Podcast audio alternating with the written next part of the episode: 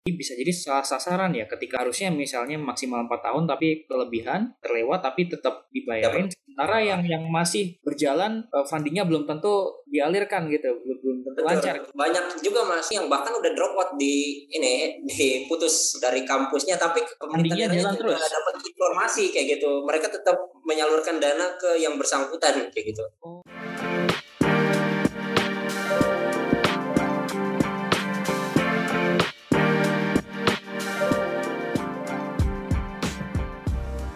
Hai sahabat TCID, kalian sedang mendengarkan podcast Suara Akademia. Ngobrol seru isu terkini bareng akademisi.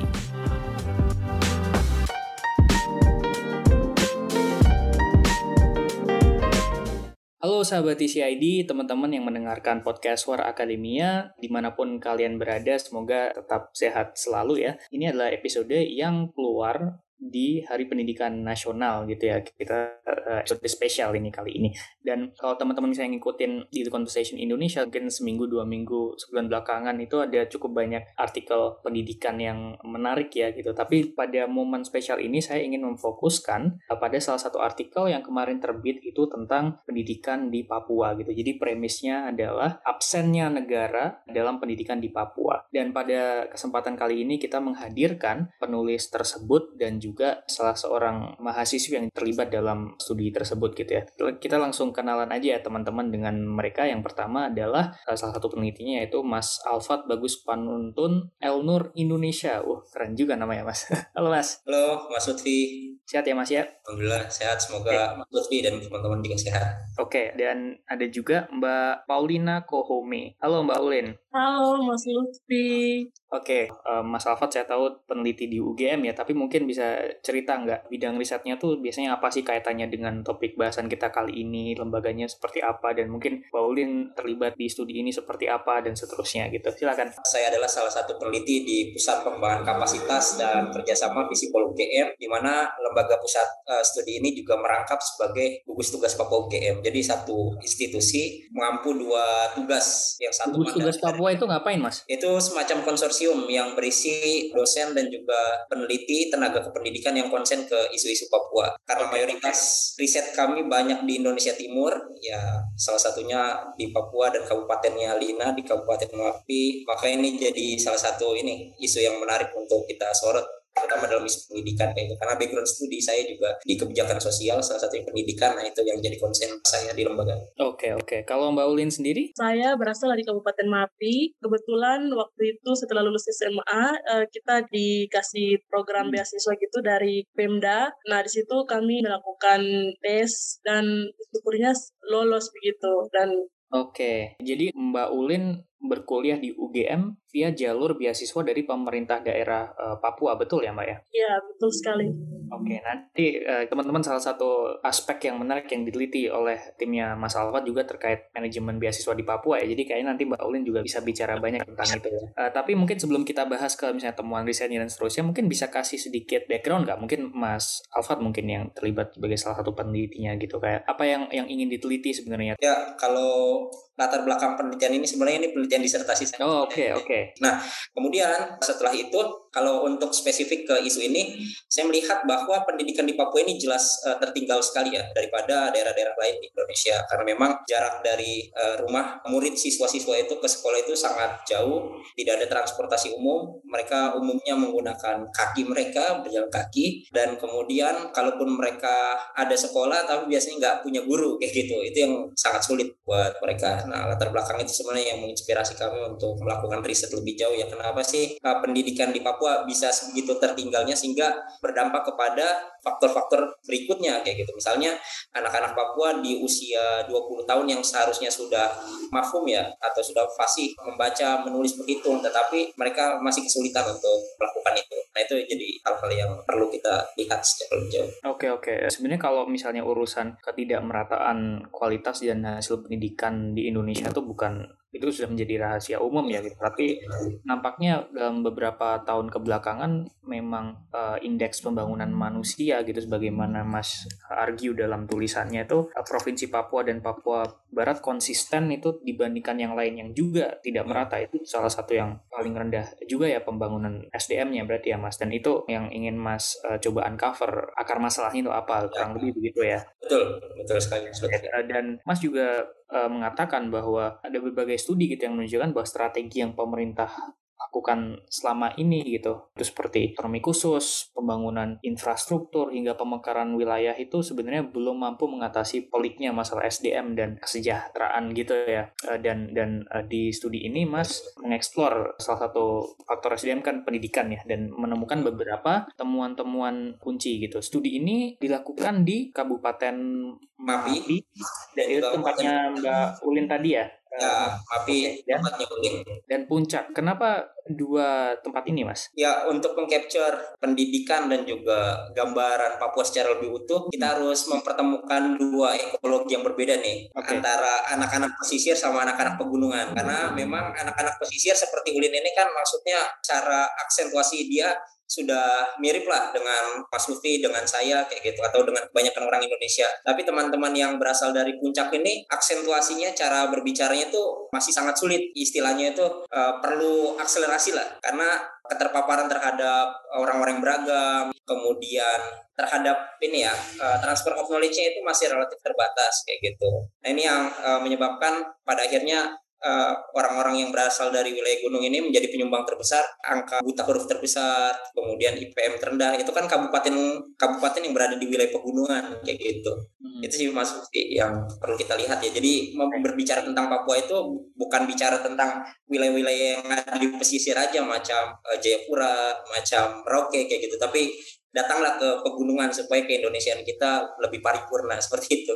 Lalu kemudian kan riset yang dilakukan di Kabupaten Mapi dan eh, tempatnya Mbak Ulin ini dan di Puncak gitu. Kalau tidak salah melibatkan berbagai jenis narsum ya ada studennya, mahasiswanya, ada pembuat kebijakannya, ada elemen gurunya dan seterusnya ya gitu. Mas Alfat dan tim uh, kemudian berbicara dan mengobservasi dan menemukan beberapa temuan yang menarik ya yang kaitannya dengan pendidikan gitu. Nah, saya mau tanya Mbak Ulin nih gitu. Salah satu temuannya adalah bahwa ada jurang yang masih lebar terkait kehadiran guru gitu. Itu yang yang, yang Mbak Mbak Ulin amati sewaktu misalnya SMP atau SMA eh, di daerah MAPI itu seperti apa keadaannya misalnya? Iya mas, jadi dari daerahnya geografis kan MAPI itu identik dengan rawa ya, dengan kota sejuta rawa begitu. Jadi hmm. kan dan desa-desa yang ada juga di sana untuk dapat mengakses ke kecamatan dan desa-desa yang ada di sana itu kami perlu kayak perahu dan speedboat begitu untuk bisa ke terutama ke kotanya untuk sekolah begitu. Tapi hmm. kalau saya sendiri khususnya saya tinggal di kotanya jadi untuk mengakses ke sekolah sekolahnya tuh bisa bisa gitu bisa ke sekolah. Cuman teman-teman saya itu ada yang di kampung gitu jadi kayak harus datang lagi sampai nanti hari-hari kayak hari minggu begitu baru mereka balik lagi. Nah itu kalau secara geografis. Oke okay. jadi secara umum ada ada keterbatasan dalam misalnya transportasi gitu ya. Jadi misalnya mau akses ke sekolah dan seterusnya itu menjadi agak terhambat gitu ya. Tapi itu kan mungkin tadi dari perspektif misalnya pelajarnya siswa. Tapi yang menyebabkan ketidakhadiran guru itu apakah berarti guru juga mengalami hal seperti itu ya? Makanya banyak yang tidak hadir di sekolah gitu sebagaimana temuan risetnya. Oh iya ya. Jadi kalau untuk akses sendiri itu bisa dibilang iya karena guru-guru yang didatangkan juga oleh Pemda dan ditaruh di desa-desa gitu itu mereka juga untuk kembali ke MAPI sendiri juga harus perlu transportasi terus untuk kembali hmm. juga ke ke desanya juga itu harus perlu ini memang betul-betul ekstra gitu dan pengalaman aku sendiri yang kurangnya tenaga kerja guru itu sangat betul karena kebanyakan itu guru-guru yang ada itu kebanyakan yang honor gitu kalau yang PNS itu ya? sangat okay. sedikit iya yang honor yang PNS itu sangat sedikit dan mau mendapatkan guru yang sangat berkompeten kayak macam misalnya kayak yang aku lihat di Jawa sini tuh di sana tuh sangat sangat rendah Nah gitu, jadi kayak kami tuh di sana masih berada di kurikulum lama gitu.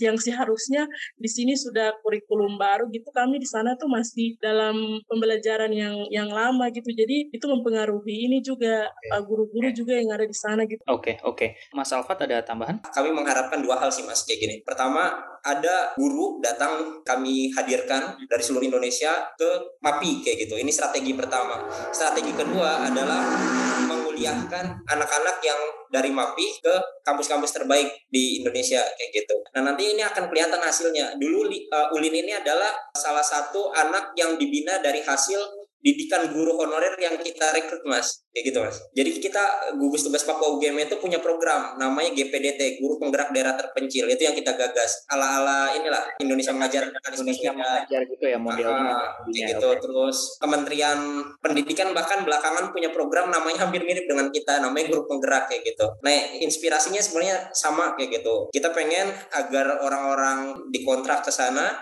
mengajar di sana dengan fasilitas yang memadai yang sepadan dengan usaha usahanya kayak gitu. Terus kemudian mendidik anak-anak dari jenjang SD, SMP, SMA. Karena tadi SD, SMA ini bermasalah kan selama ini fokus pemerintah daerah itu lebih mendorong anak-anak daerah untuk kuliah keluar. Nah sementara mereka belum punya basic yang kuat nih. Mereka baca tulis hitungnya aja bermasalah di untuk level dasmennya maksudnya. Iya, level pendidikan dasar menengahnya itu sangat bermasalah, sangat uh, problematis kayak gitu.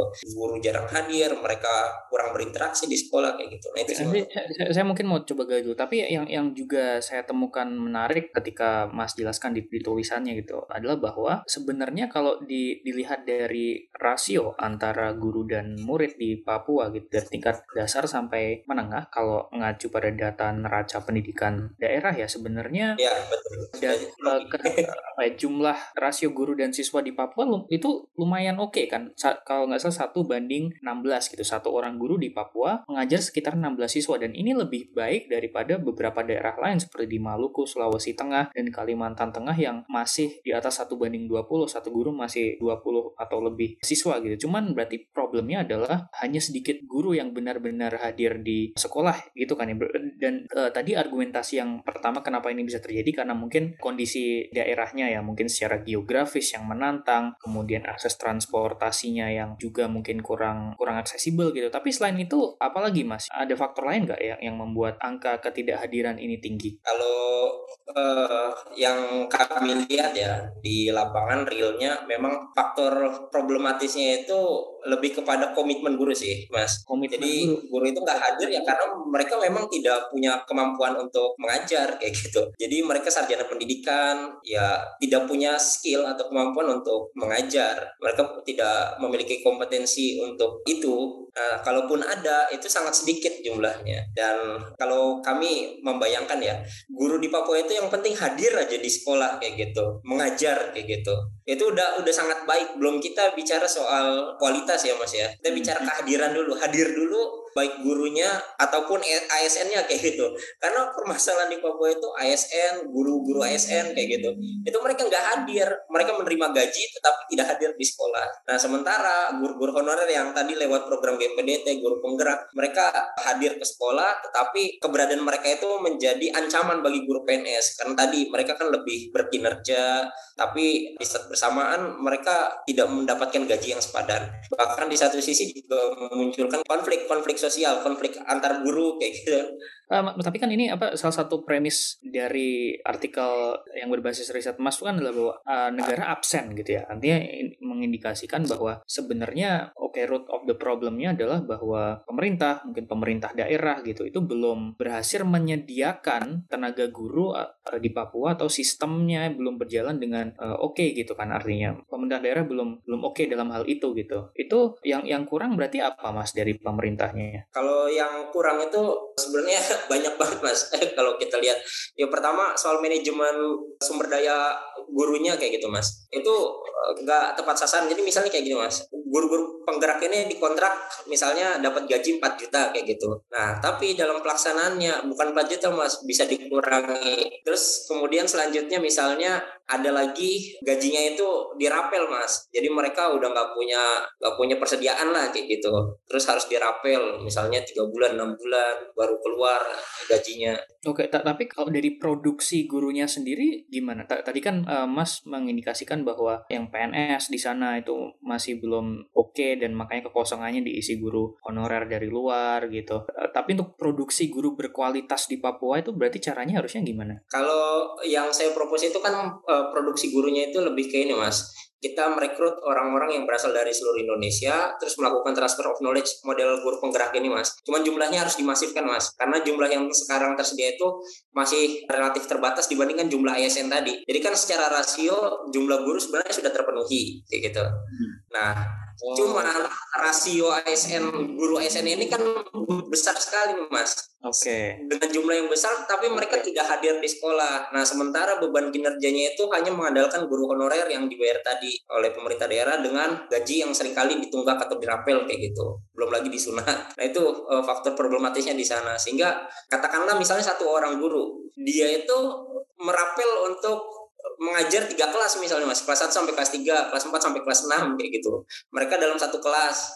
Itu agak berat di sana jadi kondisinya benar-benar nggak ideal. Oke oke. Itu emang kalau sepengalaman Mbak Ulin waktu misalnya kemarin SMP SMA di di MAPI di Papua itu kualitas gurunya seperti apa sih? Misalnya perbedaannya, kemudian bedanya dengan yang honorer yang dirasakan sebagai murid kemarin seperti apa Mbak? Baik Mas. Jadi yang saya rasakan antara guru honor dan PNS sendiri itu yang guru honor itu lebih lebih aktif Mas. Maksudnya mereka tuh biasanya selain mengajar kami, mereka selain mengajar kami biasanya mereka ngajak gitu ke rumahnya terus kayak belajar sama-sama. Terus selain kita uh, belajar uh, di kelas kita dikasih kayak pakai apa metode pembelajaran yang lain seperti bermain. Hmm. jadi kayak asik gitu sama yang honor. Maksudnya yang guru-guru baru gitu. Kadang kalau yang kalau yang lama yang yang saya rasakan sendiri itu mereka mengajar mengajar kita cuman kadang ada hari-hari yang mereka nggak masuk gitu. Jadi okay. mengakibatkan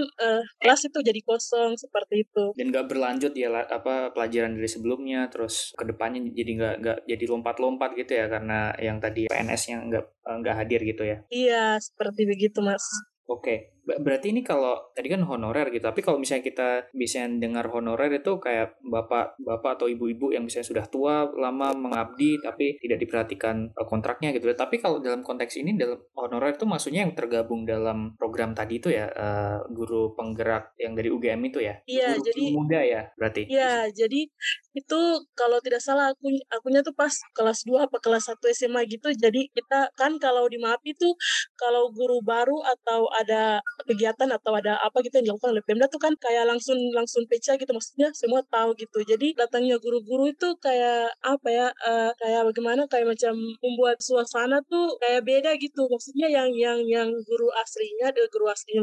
Oke okay, uh, eh, Mas Alfat uh, eh, yang yang guru honorer yang terlibat program ini biasanya di, demografinya seperti apa Mas? Asalnya dari mana dan seterusnya? Kalau mayoritas ya karena kebetulan saya juga yang bantu rekrutmen gurunya itu mayoritas memang dari NTT. Saya nggak tahu oh. kenapa ya, tapi banyak sekali yang menjadi guru itu justru dari NTT. Itu signifikan ya NTT, terus kemudian Medan, mm -hmm kemudian Sulawesi Selatan ya tapi mayoritas paling besar itu bahkan sampai 75% itu kayaknya NTT eh, saya nggak tahu kenapa ya tapi program ini dibuka di seluruh Indonesia kayak gitu tapi untuk basis basis seleksinya itu kita menyesuaikan dengan lokasi orang yang paling banyak kayak gitu kita sediakan di beberapa kota kalau yang batch keempat itu tahun 2019 itu ada di 11 kota kita adakan seleksi. Nah itu secara demografis paling banyak di NTT bahkan. Kayaknya kesamaan ini sih merasa sama-sama orang timur kayak gitu. Dan dan itu yang membuat mereka juga jadi lebih mudah gitu ya apa? Ya sama misi ini kayaknya uh, misi misinya sama lah kayak gitu. Soalnya pemerintah daerah Kabupaten Mapi juga punya program yang sama ya dengan Universitas Sanada uh, Sanata Dharma misalnya selain sama UGM. Mereka punya misi gospelnya itu loh. Okay. Jadi ada kesamaan lah kalau saya lihat dari sana. Oke oke mas. Uh, dan tadi solusi yang yang untuk terkait ketidakadilan guru yang yang mas uh, dan tim propose itu adalah oh, oke okay, gurunya udah udah cukup ya cuman kualitasnya misalnya masih belum oke okay, maka bisa jadi solusinya adalah dari program berbagai program ini termasuk yang dari UGM terus yang dari Gerakan Indonesia Mengajar, terus dari yang punyanya Nadim, yang punya Kemendikbud, yang guru penggerak, itu terjadi transfer ilmu pengetahuan yang baik gitu ya, dari guru-guru yang dari luar ini termasuk dari NTT itu ke guru yang ada di Papua gitu. Transfer pengetahuannya seperti apa mas yang, yang dibayangkan? Dan peran pemerintah daerah dalam memperlancar proses ini seperti apa? Ya, yang dibayangkan itu adalah bahwa guru PNS ataupun guru lokal ya yang berada di sana itu bisa berbaur, bisa saling berbagi metode pengajaran kayak gitu. Idealnya kan yang kita bayangkan seperti itu, duduk bersama, masuk kelas bersama kayak gitu. Saling belajar lah. Nah itu yang saya lihat sih idealnya seperti itu. Nah dan pemerintah daerah bisa memperlancar proses ini dengan cara seperti apa mas? Nah kalau saya kan propose ada jangka waktunya mas supaya tidak memarginalkan orang asli Papuanya mereka harus diberi waktu misalnya dua tahun kayak gitu. Kalau satu tahun kayaknya agak kurang tuh mas untuk masa bakti seperti itu. Atau paling nggak tiga tahun lah.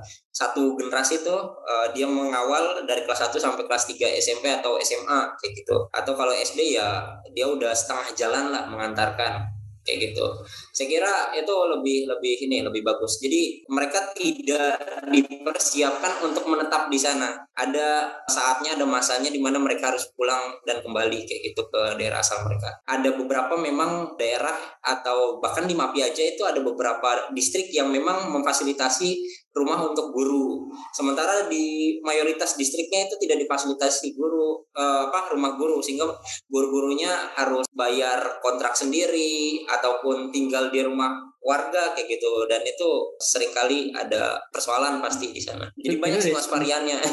dari segi memfasilitasi ya, tapi memastikan transfer of knowledge terjadi seperti apa? Nah, ini yang ini negaranya ini mas uh, soal pemerintah harusnya kan dinas pendidikan itu yang uh, punya fungsi monitoring dan evaluasi mas secara berkala. Jadi harusnya memang ada forum berkala ya yang dilakukan dalam proses melakukan evaluasi. Hanya saja memang kita melihat ini yang belum berjalan nih mas. Kalau saya lihat harusnya ada mas forum monitoring evaluasi rutin, tapi di sana belum belum terlaksana mas. Oke oke. Nah selain tadi masalah tenaga pendidikan ya, yang yang aspek lain yang juga diangkat itu adalah masalah manajemen beasiswa yang yang kurang maksimal ya gitu. Uh, saya pengen tanya ke Mbak Ulin sekarang. Ya ada yang Pak pengalamannya eh, terlibat dalam pros, uh, dalam beasiswa dari pemerintah Papua itu seperti apa sih? Ada yang kurang ideal kah dan seterusnya? Karena kalau misalnya saya baca berita seminggu dua minggu belakangan ini kan ada juga itu ya yang beasiswa tapi yang ke internasional ya S2 atau apa ke Amerika ke tidak ada. Ya, karena ada macet fundingnya atau dan mungkin nanti Mas Alfred bisa cerita itu ya. Tapi saya pengen tanya Mbak Ulin, apakah mengalami seperti itu juga atau gimana? Iya Mas, jadi kalau untuk mengalami dari program beasiswa untuk mengalami hambatan di jalan, syukur saat ini belum ada Mas. Hmm, Oke. Okay. Karena yang saya perhatikan di sini tuh kami yang mendapatkan beasiswa kerjasama antara Pemda langsung dengan gugus tugas Papua tuh kami sangat-sangat diperhatikan begitu.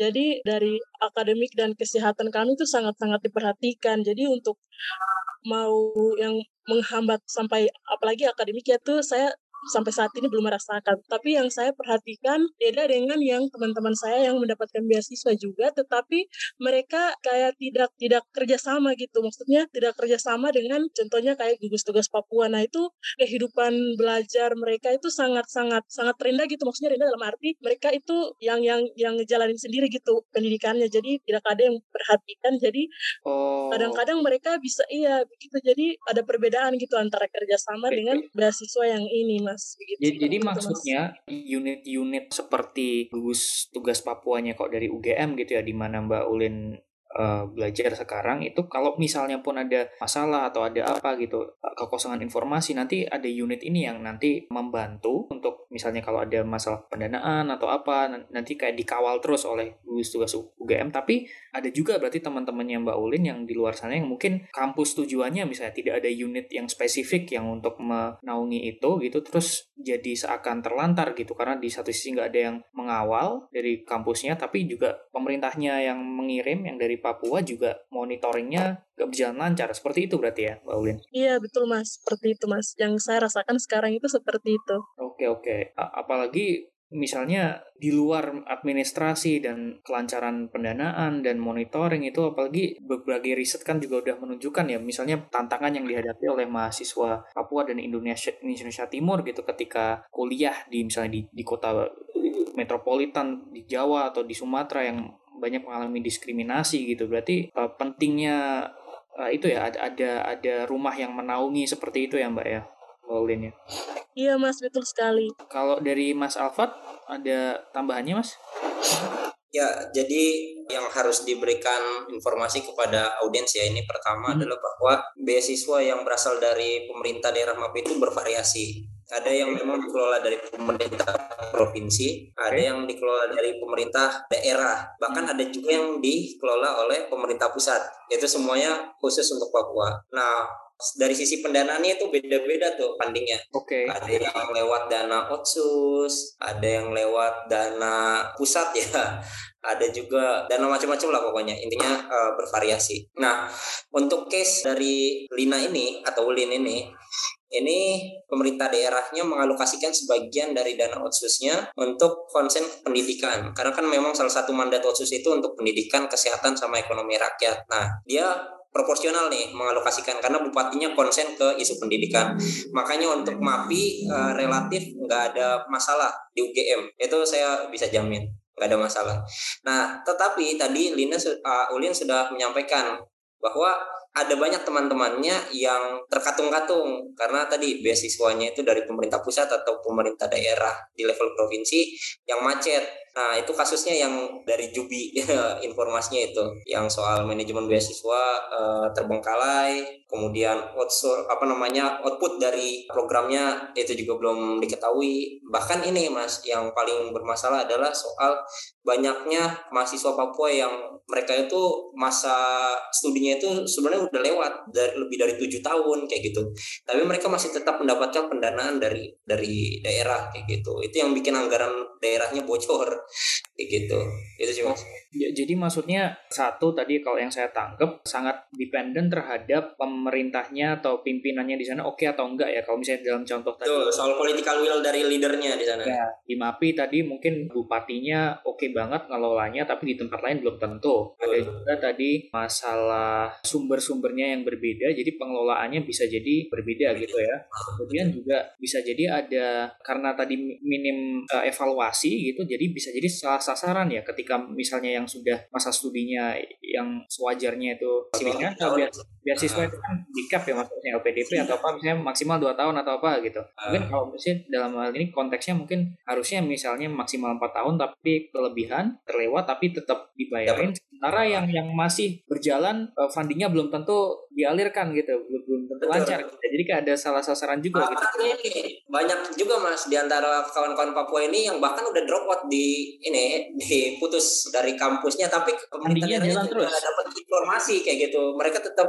menyalurkan dana ke yang bersangkutan kayak gitu oh kayak jadi kayak ada nggak nggak sinambung gitu ya nggak integrator gitu. Ya nggak match gitu nggak berkesinambungan informasinya. Jadi pemerintah daerahnya tetap bayar kayak gitu. Tetap menyediakan asrama daerahnya tapi anak-anak mahasiswanya ini nggak kuliah nggak perlu datang ke kampus kayak gitu. Tapi mereka mendapatkan dana tersebut dana beasiswa. Oke okay, okay. pertanggung jawabannya nggak ada sama sekali mas. Oke okay, oke. Okay. tadi kan ada yang yang lumayan oke okay tuh penanganannya misalnya contohnya di tempatnya Mbak Ulin yang dari pemerintahnya MAPI gitu. Tapi kalau di kira-kira di rasa-rasa gitu yang yang bermasalah itu berapa persen manajemen beasiswanya di Papua bisa 90 persen kali ya mas ya 90 95 persen kalau persentase ya. Jadi mayoritas kok manajemen beasiswa di Papua itu kacau mas. Berarti Mbak Ulin ini termasuk yang pertama karena pemerintah daerahnya punya komitmen ke isu pendidikan itu pertama.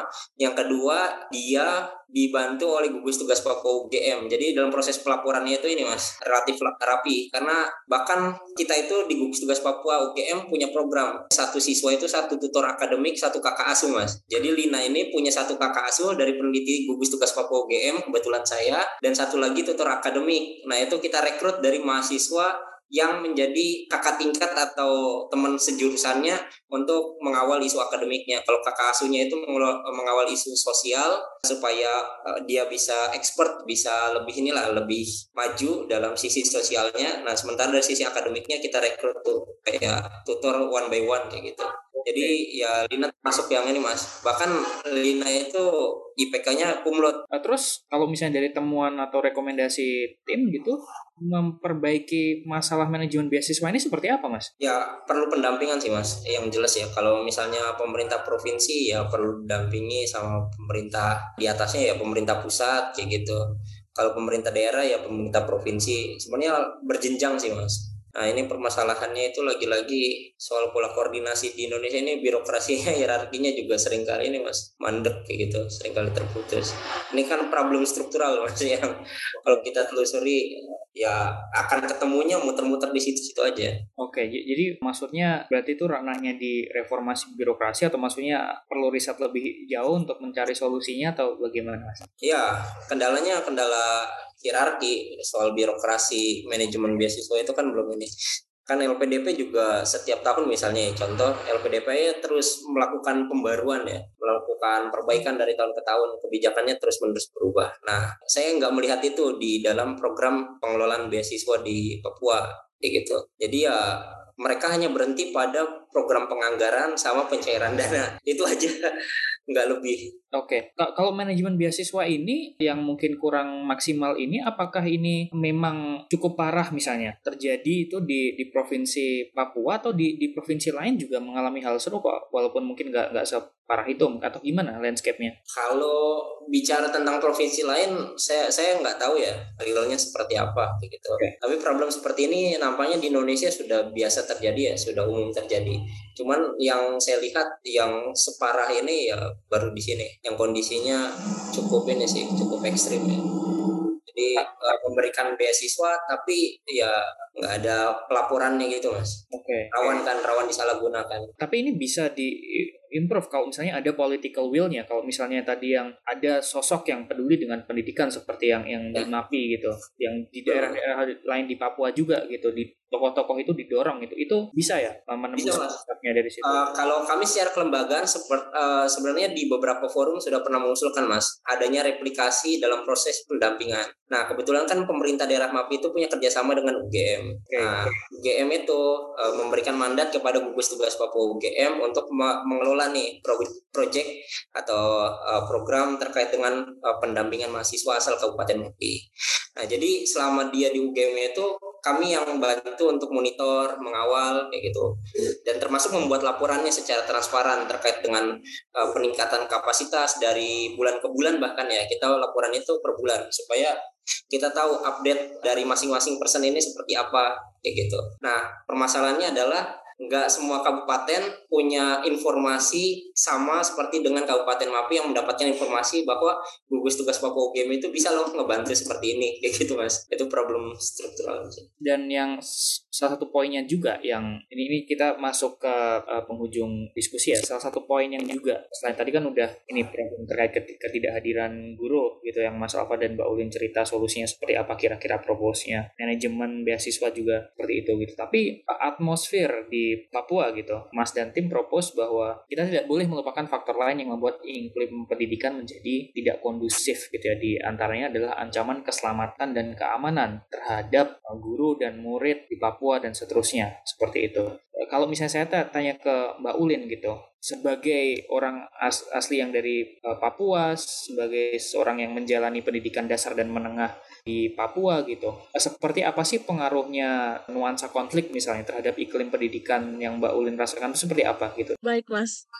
Jadi yang dari pengalaman saya sendiri ya. terkait dengan ya adanya konflik-konflik uh, tentang Papua yang mempengaruhi pendidikan itu khususnya di daerah saya yang saya rasakan itu itu ya. biasanya kalau kami dengar berita gitu maksudnya dari dengar berita bahwa di Jawa ada ada bentrokan sedikit gitu hmm. itu apa ya di sana itu orang tua kami itu sangat keras dalam mendampingi gitu. Takutnya kami keluar tata ruang gitu di di apa namanya maksudnya di takut yang hal-hal yang tidak diinginkan terjadi seperti itu. Jadi di sana itu orang tua kami juga sangat berperan aktif gitu untuk uh, menjaga kami dan untuk pendidikan sendiri itu saya biasanya diantar gitu sama bapak saya untuk ke sekolah begitu. Tapi kalau di MAPI sendiri untuk untuk bentrok-bentrok gitu kami sang tidak pernah bukan tidak pernah tapi tidak merasakan secara langsung seperti itu. Okay. Jadi uh, untuk bersekolah itu bebas cuma biasanya kadang di di Sabtu Desember nah itu yang biasanya orang tua kami itu selalu mengawali kami kalau macam ada kegiatan sekolah okay. gitu biasanya dikawali sama orang tua seperti begitu. Saya mau arahkan uh, yang terakhir ke Mas Alfat mungkin sebagai penutup juga ada yang mau ditambahkan Mas? Ya, secara umum memang Papua itu kan tadi ya, makanya kita perlu uh, melihat dari berbagai macam zona ekologinya okay. dan letak geografisnya kayak gitu. Bisa jadi memang di daerahnya Lina itu ya mereka tidak terdampak secara signifikan terkait dengan isu rasisme yang terjadi pada tahun 2019. Tapi itu sangat terjadi di kota-kota besar seperti di Merauke, Jayapura, Timika, uh, Sorong, Manokwari kayak gitu. Itu terasa uh, dampaknya implikasinya karena harus masuk informasinya lebih kencang di perkotaan Papua. Itu yang pertama. Nah, yang kedua, Eh, gangguan keamanan itu mayoritas terjadi berada di wilayah pegunungan. Banyak orang eksodus dari Intan Jaya, dari Kabupaten Duga, keluar daerah mereka, dari puncak, puncak jaya, itu ya ya terjadi karena faktor daerah-daerah di pegunungan memang tidak uh, apa namanya tidak nyaman dalam konteks tidak tidak kondusif kayak gitu. Orang-orang yang ada di sana juga hidup dalam penuh ketakutan. Nah riset gugus tugas Papua yang uh, lain ya di luar ini juga mencatat mas per uh, Januari 2011 sampai Maret 2022 ini dalam kurun waktu 11 tahun terakhir berarti ya itu lebih dari 2000 orang itu menjadi korban dari uh, konflik yang terjadi di Papua dan itu belum diprediksi bahkan jauh lebih besar jumlah yang meninggal pun lebih banyak kayak gitu sehingga uh, bagi kami pendekatan ke Papua itu memang lagi-lagi harus basisnya case by case ya tidak bisa kita mengeneralisir uh, satu daerah sama obatnya dengan daerah lain. Nah, pemahaman itulah yang ingin uh, kami sampaikan kepada teman-teman. Oke, uh, teman-teman itu tadi dari Mas Alfat. Bagus Panuntun peneliti gugus tugas di Visipol PPKK UGM ya Mas ya. Dan juga ya. Eh, Mbak Ulin Mbak Paulina uh, Kohome yang juga terlibat di risetnya dan sekarang juga sedang belajar di uh, eh, UGM. Makasih uh, sharing-sharingnya Mas Alfat dan Mbak Ulin atas riset tentang SDM dan pendidikan di uh, Papua. Bagi teman-teman yang juga belum yang misalnya belum berkesempatan untuk baca artikelnya ada di The Conversation. Menurutku cukup menarik ya gitu. Dan ada juga banyak berbagai artikel lainnya tentang pendidikan maupun uh, politik dan media dan lainnya terkait Papua yang kayaknya juga menarik gitu. Akhir kata karena Indonesia tanggal 2 Mei ya selamat Hari Pendidikan Nasional walaupun masih cukup banyak PR ya terkait pendidikan di Indonesia tapi uh, ya step by step lah kita bersama-sama membangun ranah pendidikan ya. Ada lagi Mas Alfat, Mbak Ulin yang mau disampaikan? Dari kami memahami Papua adalah upaya menghayati keindonesian yang majemuk. Itu saja, stay tune untuk episode-episode dan artikel kita yang berikutnya. Sehat selalu, sampai jumpa teman-teman. See you.